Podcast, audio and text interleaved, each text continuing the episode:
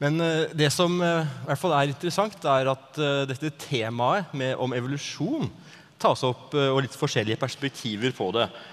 Og jeg er bedt om å snakke om det som har å gjøre med om den er vanntett og historisk utvikling og sånt, rundt evolusjonslæren. Så trodde jeg at jeg skulle ha et seminar. Da så jeg for meg et sånt lite rom hvor jeg satt sammen med noen få personer og litt utvekslet tanker. Men så oppdaget jeg etter hvert at det skulle være her. Så det blir nok litt mer sånn foredrag enn et vanlig seminar. Eh, min bakgrunn er at jeg, har, eh, jeg ble kristen da jeg var 19 år. Og i starten ble jeg veldig fort uh, kreasjonist. Holdt på med det et år eller to. Så har jeg utviklet meg derfra og blitt atskillig mer skeptisk til den type tenkning. Litt mer sympatisk til intelligent design, men ikke helt i den leiren. Bare så dere klarer hvor jeg står før vi starter. Og temaet, og Bakgrunnen min generelt sett er at jeg er utdanna sivilingeniør. Så jeg har absolutt ingen peiling på biologi. Så det gjør det jo ekstra morsomt. Spørsmålet er altså om evolusjonslæren er vanntett. Og Jeg har da også eh, faktisk eh, skrevet en eh, bok om dette. Det ligger til salg der nede sammen med en bok om eh, trosforsvar for ungdom. Gud mer enn feel good. Den regnes av alle jeg har snakket med, som veldig bra. Mens denne evolusjonsboken er det nok noen som er mer kritiske til, det de som er uenige i konklusjonene. Men det er jo en uh, grei og bra gjennomgang, mener vi som har skrevet den, vi er to stykker, av både det historiske rundt kristenes forhold til tro og vitenskap, om det finnes noen som helst argumenter for evolusjon, hvorfor dette har blitt så allment akseptert, og hva som er de mer teologiske konsekvensene hvis det faktisk har skjedd en evolusjon. Men det jeg nå skal snakke om, er altså om evolusjonsteorien er vanntett. Hvordan har den utviklet seg, og hvilke alternative teorier finnes i dag? Og hva skal til for at evolusjonsteorien eventuelt skal forkastes? Noe av det som er typisk for den offentlige samtalen, er at vi danner grupper. Og De ulike gruppene tror til dels rare ting om hva de andre gruppene tror og tenker og mener. Og Det ble nylig gjort en undersøkelse blant ateister og den berømte gruppen Folk flest i England. Og det man da kom fram til, var at veldig mange ateister, nesten alle, 72% ehm, av ateister tror at det er helt vanlig, det er liksom standarden, at religiøse, les kristne, ikke godtar evolusjonsteorien. Så gjorde man samtidig en undersøkelse av hvor mange av disse religiøse var det som ikke trodde. Og Det var da 19% Altså bare en femtedel som ikke trodde at evolusjonsteorien på en eller annen måte var sann. Og dette er ganske interessant, fordi man må regne med i samtaler med ikke-kristne at de går ut fra at de kristne de møter, ikke tror på evolusjon. Så vær obs på det når vi har samtaler med andre. Jeg pleier å vise noen sånne standardfoiler som jeg alltid tar med, bare for å si litt om den generelle settingen som mye av samtaler mellom kristne og andre foregår ut fra. Tenk dere at dere er på et teater. Det er noen vakre, hyggelige mennesker som sier 'velkommen til oss'. Solen skinner. Det er til og med to soler, ser vi. Jublende barn. Vil dere hatt lyst til å komme på besøk her? Jeg ville hatt det.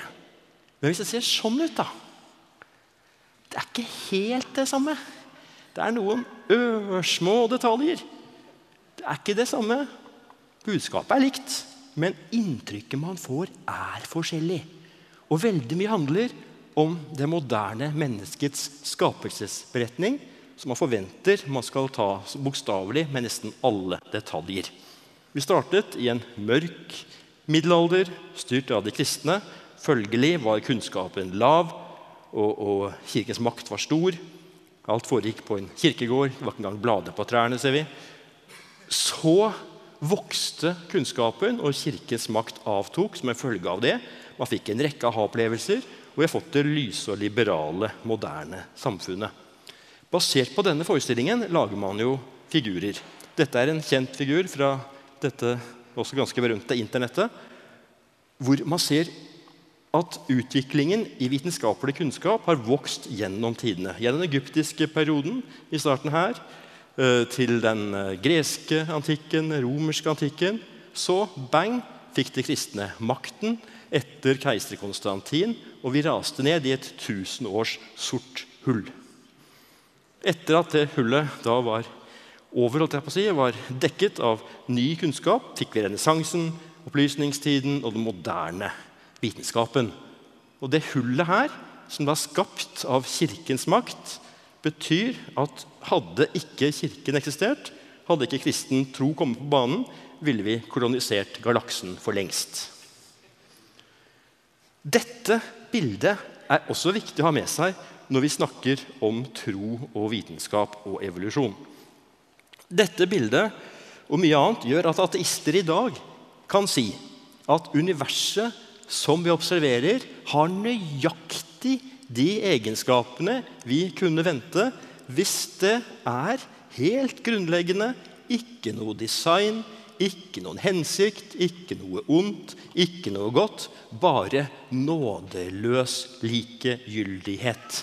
Pityless indifference, som Richard Dawkins kaller det. Hva skal man si til det? Vel, er det virkelig sånn at uten Gud er det akkurat som vi skulle vente? At det i det hele tatt eksisterte et univers? Hvis det eneste vi visste som noen slags bevisstheter i en eller annen dimensjon, at vi selv fantes, ville vi da tenkt at ja, sannelig må det også finnes et univers. Og det er akkurat som vi skulle vente. Nei. At universet til og med endrer seg, det forandrer seg, det gjennomgår tilstandsendringer. Er det akkurat som vi skulle vente? Nei, hvorfor skulle vi vente at det var sånn uten noen årsak? At universet til og med er laget slik at det passer akkurat for at liv skal kunne eksistere. Alle disse konstantene, parameterne, naturlovene vi har, de er akkurat slik de må være for at liv skal kunne eksistere. For at man skal kunne frambringe planeter, solsystemer, hvor det er mulig med liv. Fysikken og kjemien må være på helt bestemte måter. At det finnes naturlover, i det hele tatt, er det som man kunne vente. I Det hele tatt, det er en masse masse ting som jeg kan ramse opp. skal ikke gjøre det, men Matematikken ikke sant? Helt utrolig at det finnes noe sånt. At bevissthet finnes. Hva i all verden kommer det fra? Det er akkurat som vi skulle vente. Så vi opplever fri vilje. Enten vi nå har det eller ei, så opplever vi det. Er det akkurat som vi skulle vente hvis Gud ikke finnes? At så mange forestiller seg en høyere mening med tilværelsen. At vi opplever moral så mye mer enn noen praktiske trafikkregler. Og at vi til og med mener at det finnes et iboende menneskeverd i et univers som er ren fysikk, og hvor Gud ikke finnes. Er dette akkurat Tusen takk. precisely properties we should expect? Er det virkelig sånn? Nei, det er det jo slett ikke.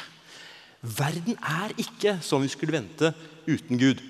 Men den er jo heller ikke som vi skulle vente hvis verden var skapt på seks dager. Hvis det er noe som er lite kontroversielt, så er jordens alder. Alltid noen som krangler på det, men det er altså veldig lite kontroversielt at jorden er svært gammel, og at den er mye eldre enn 6000 år. Årringer i trær, kjerneprøver av is i polare strøk, geologien, radioaktive dateringer som er uavhengige av hverandre. Alt dette her sånn, tyder på at universet er svært gammelt. Det er spor etter millioner av utdødde arter. Mange mellomformer er funnet. Man har mange DNA-spor som viser stor slektskap mellom arter. Og man har prosesser som kan endre arvematerialet mye. Jeg sier mye, sier ikke tilstrekkelig, eller noe sånt, men mye. Så det som da er diskusjonen, er at for kristne mener jeg da, er at Gud finnes, men verden er ikke skapt på seks dager. Og da er diskusjonen hva er det som er den beste forklaringen på den verden vi ser, og det vi ser også innenfor biologien. Og det er jo spørsmålet som jeg har fått eh, stilt, er evolusjonsteorien vanntett. Holder den vann, eller synker den? Nei, ingen teori er vanntett. Hvis det er en helt vanntett teori, snakker vi vel nærmest om matematikk av 2 pluss 2 er 4. Det er rimelig vanntett. Men innenfor normal naturvitenskap, biologi, fysikk osv. Det er ikke noe som er helt vanntett. Så det som er spørsmålet, er hvilken teori som har flest tunge argumenter på sin side. Og ja, man kan peke på mange svakheter i ulike teorier. Men for en forsker, et vitenskapelig miljø, så kan man ikke avfeie de gamle modellene før det finnes alternativer som er bedre. Som ikke har bare enda flere problemer.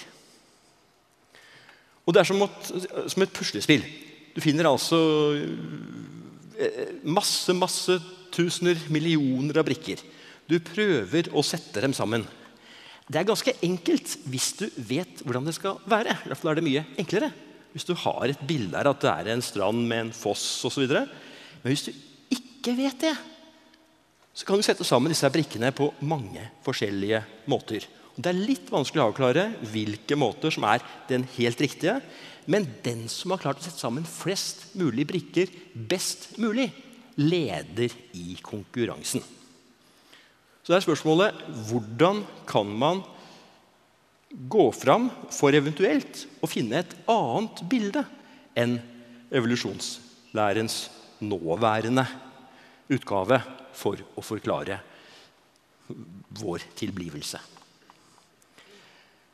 For det er ikke sånn at hvis det er masse feil, eller noen feil, det er noen blanke felter, brikker som ikke passer, så er modellen borte. Nei, det kan bety at vi må pusse sammen brikkene på en litt annen måte i deler av modellen. Fossen var én meter til høyre. Men fortsatt er det et bilde av en strand med en foss. Så det som vitenskapsmennene selv sier, de som jobber med dette her sånn, og som er ærlige nok til å vedgå at det er utfordringer, for det er det jo, mener jeg, de vil da jobbe hardere for å finne løsning eller finne litt andre måter å sette sammen brikkene på innenfor tanken at det er en strand, og det ikke er en uh, annen planet som vi har et puslespillbilde av. Men, sier noen, og det er veldig godt sagt, bør vi ikke kunne forsøke å falsifisere evolusjonsteorien? Ok, alle, ingen teori er vanntett, men det må jo være måter vi kan gå fram på for å se om denne teorien faktisk kan avvises på en eller annen måte. Og det er noen måter man kan gjøre det på. En klassisk måte er hvis man finner en masse kaniner som fossiler i, i geologiske lag lenge før det f.eks. fantes liv. I hvert fall annet enn helt primitivt liv. Altså kaniner i prekambrium altså, på godt norsk anomalier. Ting som skiller seg helt ut, som ikke passer inn i teorien. De kan bidra til å underminere teorien. Og særlig hvis man finner mange nok. Finner man én kanin, kan man tenke at en eller annen veiarbeider klarte å sette boret sitt feil, og så boret langt ned, og så falt en kanin nedi. eller noe sånt. Og så ble det ved en eller annen merkelig prosess til et fossil. Man kan lage sånne finne på fortellinger for å få av Eh, lede at dette er egentlig en ekte uh, anomali som, som, underminerer teorien. Men man har noen sånne ting som man kan sette inn og vurdere, som gjør at det jobbes litt, og noen miljøer kanskje det svetter litt også. F.eks. det som kalles for den kambriske evolusjon, eh, revolusjon. Eh, der hvor man på veldig kort tid, i hvert fall i geologisk eh, beregning, eh, hadde over noen millioner år veldig mange helt forskjellige arter på hele spekteret av de arter vi kjenner i dag, som oppsto på veldig, veldig kort tid. Det kalles for en eksplosjon. Kan vi si eksplosjon er kanskje et bedre uttrykk. Kan evolusjonsteorien forklare det? Hva med disse ufattelig komplekse forholdene som vi observerer i naturen? Jeg lar meg begeistre hver gang jeg ser en sånn Discovery Channel eller sånn, fremstilling av hvordan ting foregår i naturen. Bare se på en befruktning av mennesket. Uh, hvor utrolig avanserte ting som skjer med sædceller, og, og, hvordan ting fester seg på egg osv. Alle de kjemiske tingene som skjer der. Jeg får bakoversveis av å se på noe sånt. Øyne, DNA Man har alle disse tingene som er veldig fascinerende. Altså, det var et seminar rett før nå som så litt på dette med DNA. Hvis man ser på DNA-molekylet, så er det altså helt utrolig komplisert. Det er 46 eh, kromosoner. Det er kanskje ikke så eh, komplisert. Men det er to meter av DNA med tre milliarder uh, subunits, altså underliggende enheter, i disse basene, A, T, C og G. Og så er det rundt ja, det er vel for mange her, vel er en 20 000-25 000 må regne med, av uh, gener som koder for de proteinene som utfører de, alle de fantastiske funksjonene som vi ser i livet. Og da er det sånn blitt, eh, inn, eh, blitt hevdet fra veldig kompetent hold at man trenger flere helt spesifikke mutasjoner, altså endringer av arvematerialet, for å få en bestemt parasitt til å bli motstandsdyktig mot malariamedisinen klorikin. Og det at det trengs mange gunstige mutasjoner på rad, gjør evolusjon helt usannsynlig. Hvis det kreves to mutasjoner, så er sannsynligheten 1 til 10 i 20. Men det kreves antagelig flere slike mutasjoner. Det er svært lav sannsynlighet. Altså evolusjonslæren er ikke bare vanntett, den synker. Det er ikke bare ikke vanntett. Hva tenker vi når vi ser sånt? Det virker veldig overbevisende. Utfordringen er at dette er en fagdebatt. Det finnes altså forskning som da går videre og ser på dette. her sånn. Stemmer det? Kan det tenkes måte å gjøre det på? Og den kjente da, diverse mutational pathways, conversion, saturable, chloroquine transport osv. Veldig avanserte greier som da peker på at det er ikke sånn at det bare er to mulige måter denne sluttmotstandsdyktige eh, saken kan oppstå på. Nei, det finnes ulike veier man kan gå, og ingen vei er gitt på forhånd. Så man har tegnet opp sånne veier, muligheter for at dette kan bli til på andre måter. Og jeg skal ikke uttale meg om dette her er sant og godt og lurt. eller noe sånt. Men poenget er at det foregår forskning og foreløpige resultater som tyder på at den type forsøk på falsifisering som jeg viste til i stad, ikke er godt nok foreløpig til eventuelt å si at her på dette området må det være andre mekanismer enn det vi har trodd så langt. Så evolusjonslæren flyter ganske greit likevel her. Så er det noe som kalles for ikke-reduserbar kompleksitet. Uh, jeg ikke om Steinar var inne på det før i dag. Men det finnes en del sånne molekylære maskiner som det påstås er slik at alt må fungere samlet. Uh, og må oppstå samlet, For de enkeltdelene er veldig vanskelig. Man kan ikke helt se for seg hvordan de skal kunne fungere før de er satt sammen til et helt system. Akkurat som en musefelle. Og hvis det er sånn, det er klart at ok, det tyder jo på at her er det noe store utfordringer for evolusjonslæren. Men så har man begynt å se mer på dette her og funnet ut at eh, det er kanskje andre måter. Det kan ha vært satt opp i større systemer, og ting har blitt borte underveis. altså Når man bygger en sånn, et hus, så har man uh, store sånne stillasjer rundt som så er borte. Og ser ut som huset er bygget liksom i løse lufta når stillasjet uh, ikke lenger synes. Det kan være måter å forklare dette på, og denne type innvendinger har møtt mye faglig kritikk. Evolusjonens grense finnes det at eh, evolusjonens mekanismer ikke er i stand til å forklare store nok endringer. Er det sånn? Kanskje, men dette jobbes det videre med. Så mitt poeng her Jeg skal si veldig mye mer om en del av dette etter hvert. Men mitt poeng sånn foreløpig er det at mye av dette kan virke besnærende når man leser om det. Men at noe eh, er, ser rart ut, ser usannsynlig ut, betyr ikke at det er umulig. Og skal noe falsifiseres, må vi vise at det faktisk ikke lar seg gjøre. Og det å bevise et negativ er fryktelig vanskelig. Hva skal man tenke som kristen? Ok, Kanskje evolusjonslæren er riktig likevel, da. Som man kanskje har trodd uansett. hva da? Og det jeg tenker er at Desto mer jeg ser på disse ufattelig komplekse, intrikate, finurlige maskinene som vi ikke klarer å gjenskape selv i dag Mennesker klarer ikke å være like flinke som naturen foreløpig. Tenk at det finnes en natur! Hvordan kan det ha seg at det finnes en natur hvor noe sånt er mulig? Det peker for meg bare enda mer på Gud, at det finnes en slik natur. Når dette er så komplisert, og dette skulle ha blitt til av seg selv naturlig Oi!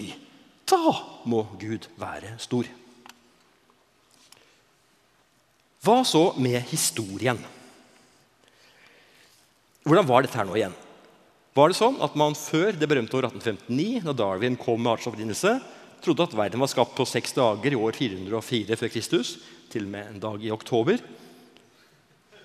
Trodde man at siden Gud fantes, var det ingen naturlover? Bibelen var sann, og vitenskapen må omtolkes. Så kom Darwin, bomben. Kristne feiget ut. Og da begynte man å tro at det var revolusjon over milliarder av år. Og fordi det fantes naturlover, kunne ikke Gud finnes. Vitenskapen var sann. Bibelen må omtolkes. Kjenner dere igjen dette her i bildet? Det er litt sånn mange har fått framstilt historien. Og særlig norske lærebøker i skolen. Som gjenspeiler mye av hvordan folk flest, hvordan kulturen oppfattet denne historien de siste generasjonene. Men stemmer dette? Var det sånn at Bibelen gjaldt som urokkelig naturvitenskap i middelalderen? Nei, det var ikke det. For det som gjaldt som urokkelig naturvitenskap i middelalderen, det var urokkelig naturvitenskap. Det var det som var demonstrert naturfilosofisk. Det var ikke det som sto i Bibelen, hvis man oppfattet at det var veldig forskjell på det. Men det var slik at naturvitenskapelige teorier hadde faktisk forrang, så lenge de ikke gjorde noe som tilsa at Gud ikke var allmektig. Og så tolket man Bibelen i lys av dette. Men man kunne ikke definere hva Gud hadde gjort eller ikke kunne gjort. For mente man da fra aristotelisk eh, naturfilosofi at vakuum var umulig. Men da satte Kirken ned foten og sa at nei, det er kjettersk å si at vakuum er umulig. Fordi Gud kan jo skape vakuum. Og da Implikasjonen av det er at man må ut i naturen og se etter.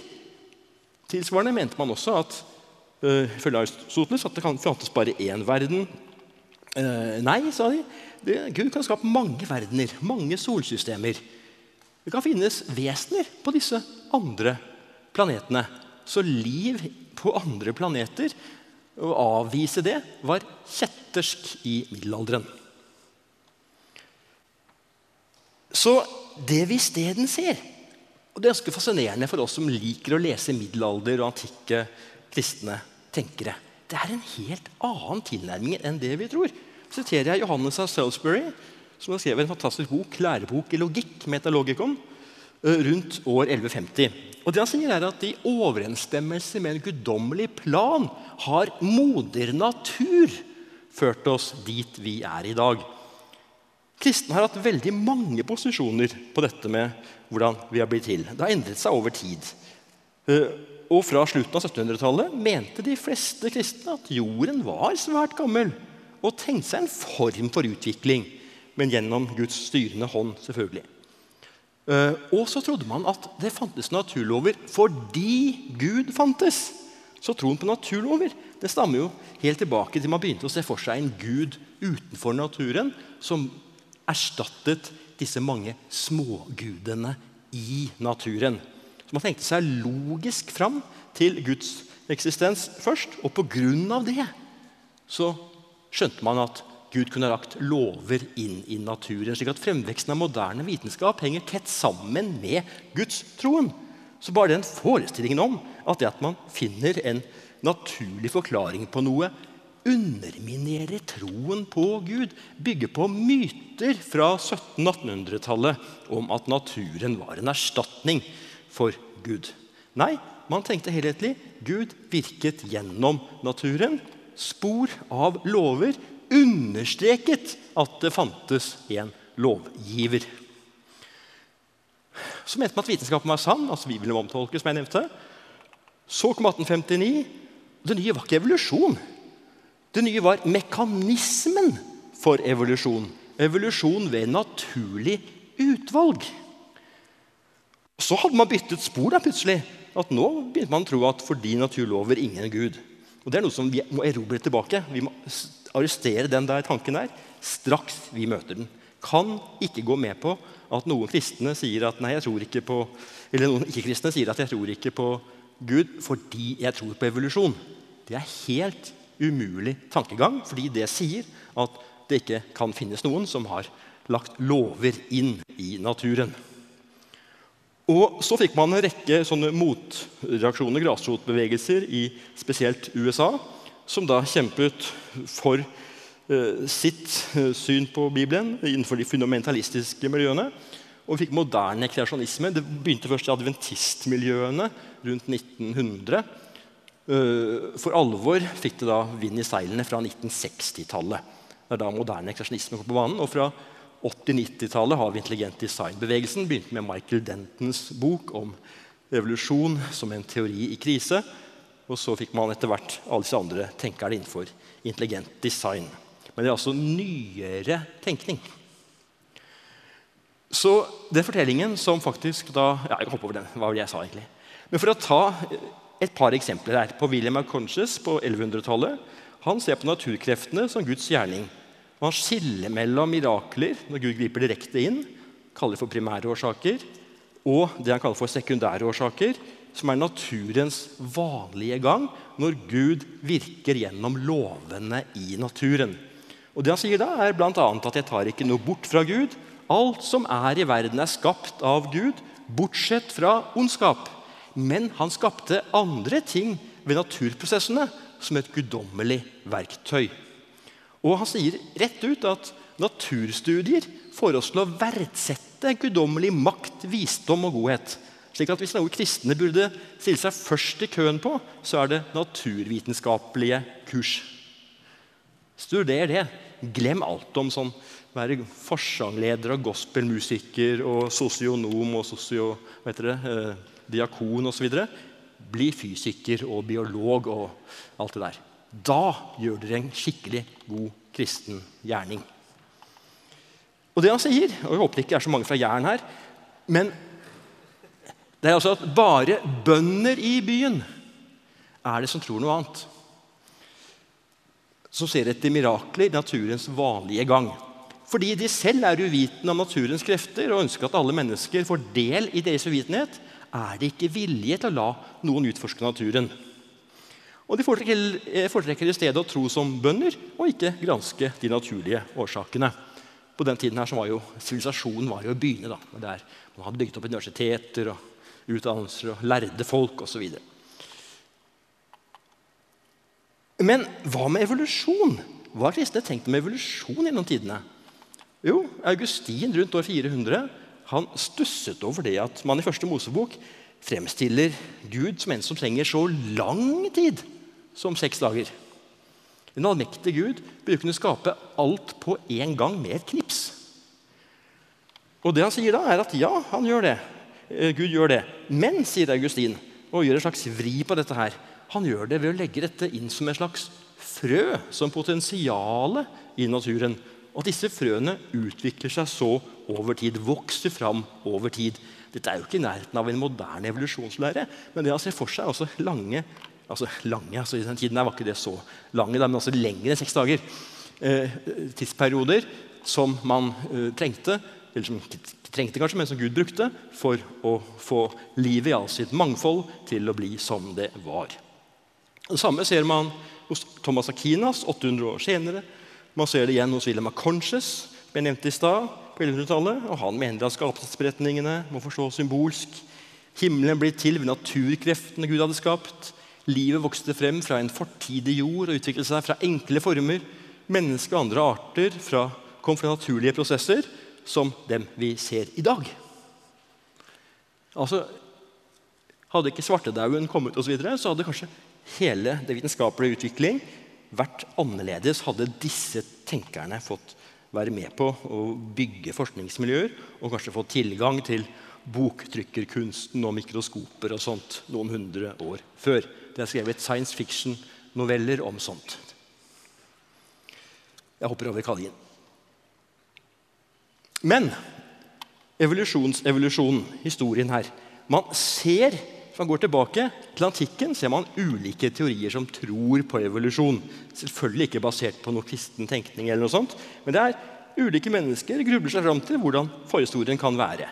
Så det var da helt uh, forskjellige synspunkter på dette. her sånn. Uh, og Man ser tilsvarende hos kristne filosofer framover mot uh, renessanse og reformasjon. Det er, var ikke noe veldig fremme tanke for kristne før nyere tid at Gud kan ha skapt gjennom en lang utviklingshistorie. Det bildet vi ser her er fra en bok fra 1500-tallet som sammenligner menneskets skjelett med fugleskjeletter og finner forbløffende likheter. Så begynte snøballen å rulle. På 1600-tallet kom da geologiens far, Nicolas Steno, som var danske, som konverterte til katolisismen og holdt på ved pavens hoff. Og Der var det at han faktisk begynte å se på de prosessene som skapte geologi og steinformasjoner. 1700-tallet så man stadig mer at jorden ble eldre og eldre, fant flere fossiler. Bestefaren til Charles Darwin, Erasmus Darwin, han skrev dikt og sånt om utviklingen fra mikroorganismer til høydepunktet i tilværelsen, nemlig den britiske adel. Og denne type tenkning var altså helt alminnelig da Darwin ble født. Man diskuterte Tidlig på 1800-tallet hadde jorden gjennomgått masse katastrofer. En, synd, en, en uh, syndflod pluss kanskje noen andre katastrofer. Eller det hadde vært en jevn utvikling uh, hvor det man ser i dag, gjaldt så langt tilbake man kunne vite. Diskusjonen var ganske hard. I dag mener man jo at det er begge deler. Så hadde man en kristen naturfilosof som heter Buckland, eller noe sånt, som i 1837 skrev en bok om geologi og mineralogi og alle de rare dyrene man hadde funnet. Her ser vi noen av illustrasjonene hans forsøk på å sette sammen sånne fossiler. 'Vestiges of the Natural History of Creation' kom i 1847, var det vel, tolv år før Darwin. Alle disse skildret en lang utviklingshistorie, men altså med litt sånn uklare oppfatninger av hvordan hadde utviklingen faktisk skjedd.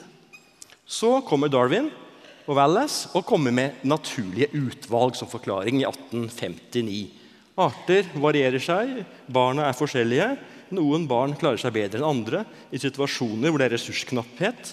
og Da vil de best tilpassede få flest barn igjen, få flest avkom, og dermed spre de mest gunstige uh, individene videre.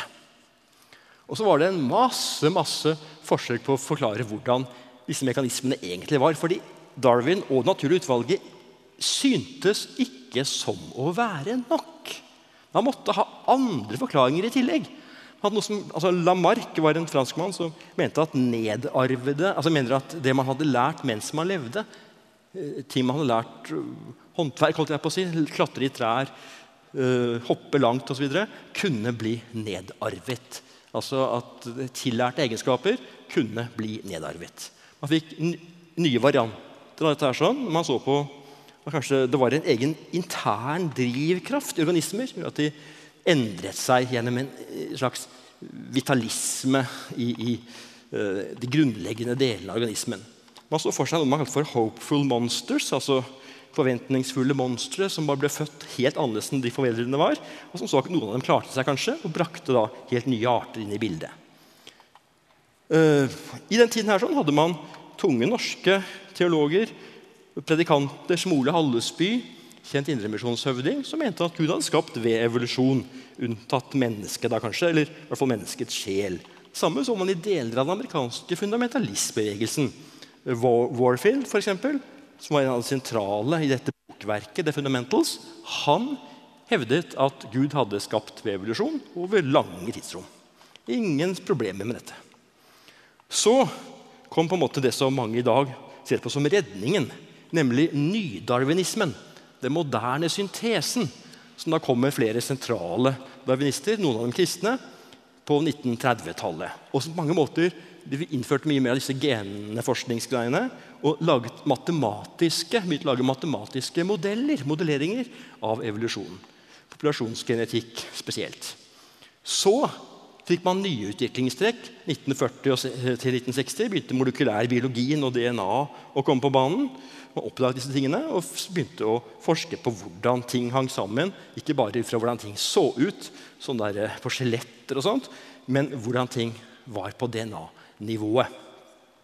Så fikk man veldig mange andre utviklinger. Jeg skal ikke ta disse i noen detalj, altså, men man fikk denne her, det egoistiske gentenkningen som Dawkins står for. At alt er genenes ønske om å spre seg videre.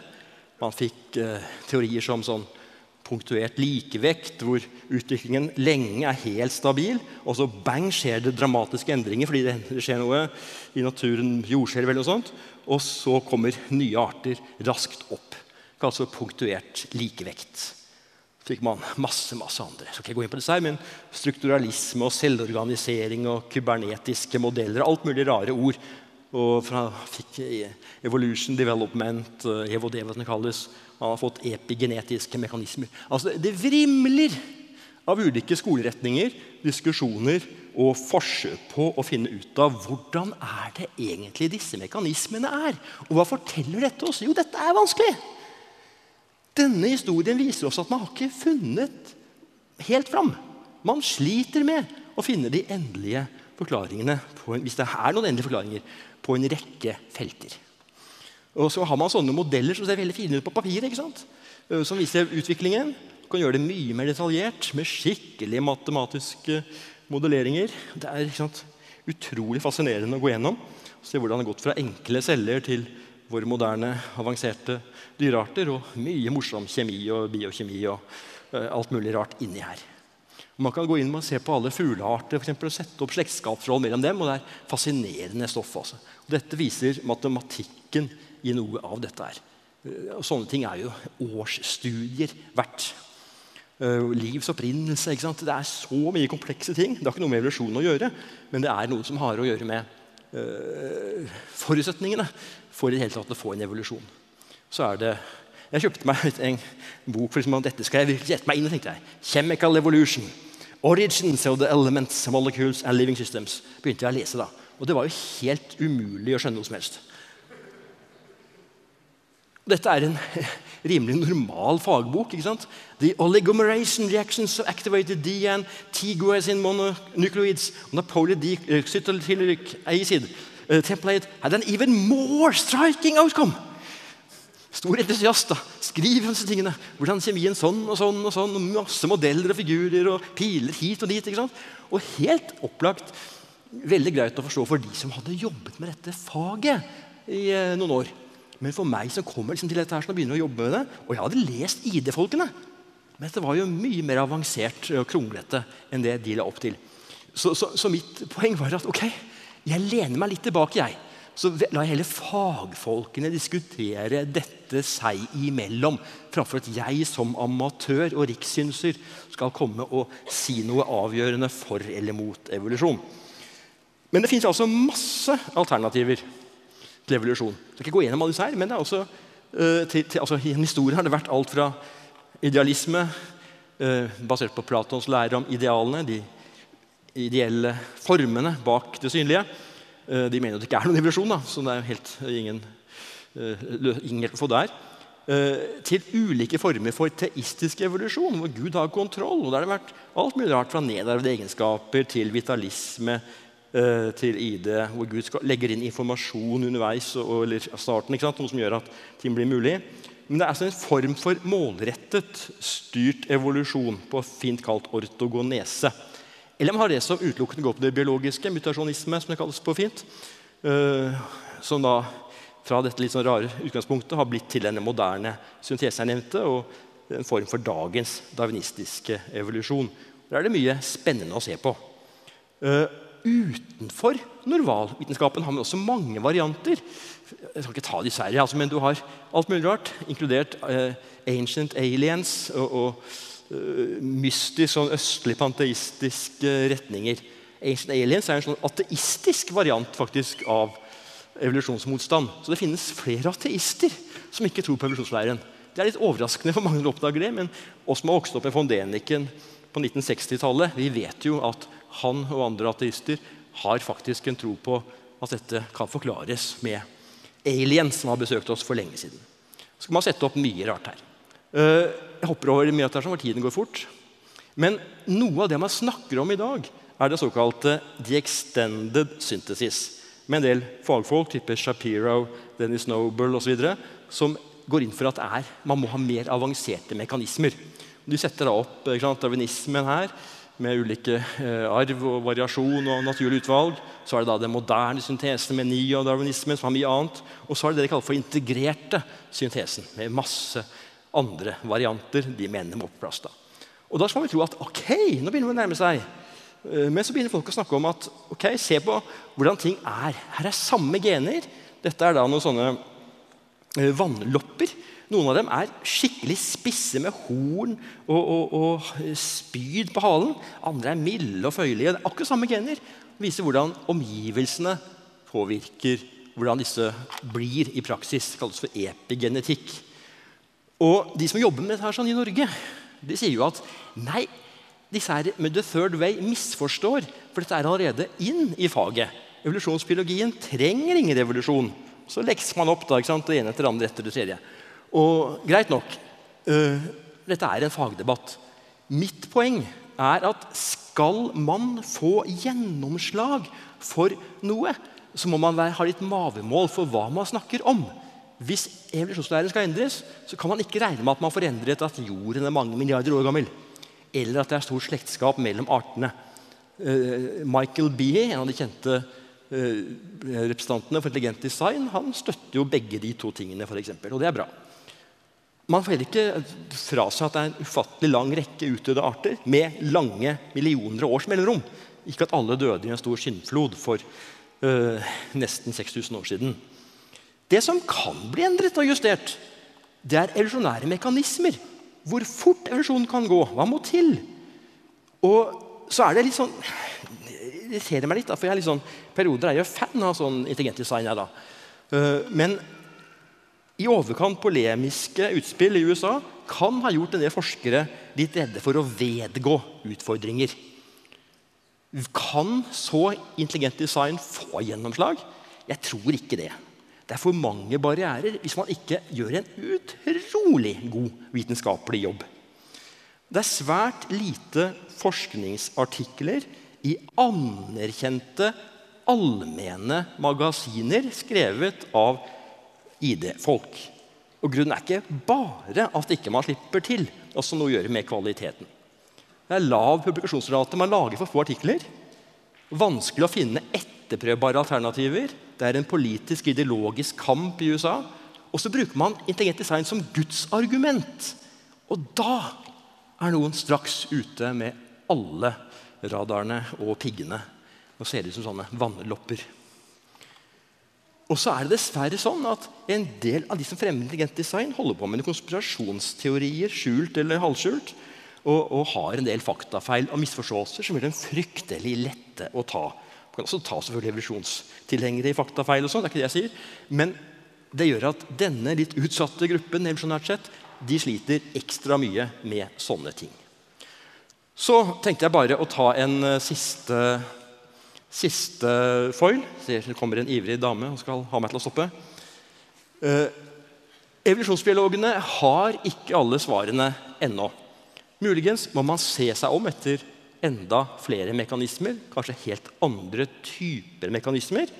Muligens kan noe av den kritikken som man ser av dagens evolusjonsteori, stimulere til at man ser ting annerledes, tenker nytt på enkelte områder. Men kristen gudstro, som står med store bokstaver her, står og faller ikke med om man klarer å finne alternativer til evolusjonsteorien. Til det er det helt andre og langt bedre argumenter som støtter at Gud finnes. Så jeg mener at ID-argumenter strengt tatt ikke er nødvendige for å, å, få noen til å se i retning av Gud. De kan tvert imot i noen sammenhenger være til hinder. Ok? Da skjønner jeg at jeg må slutte.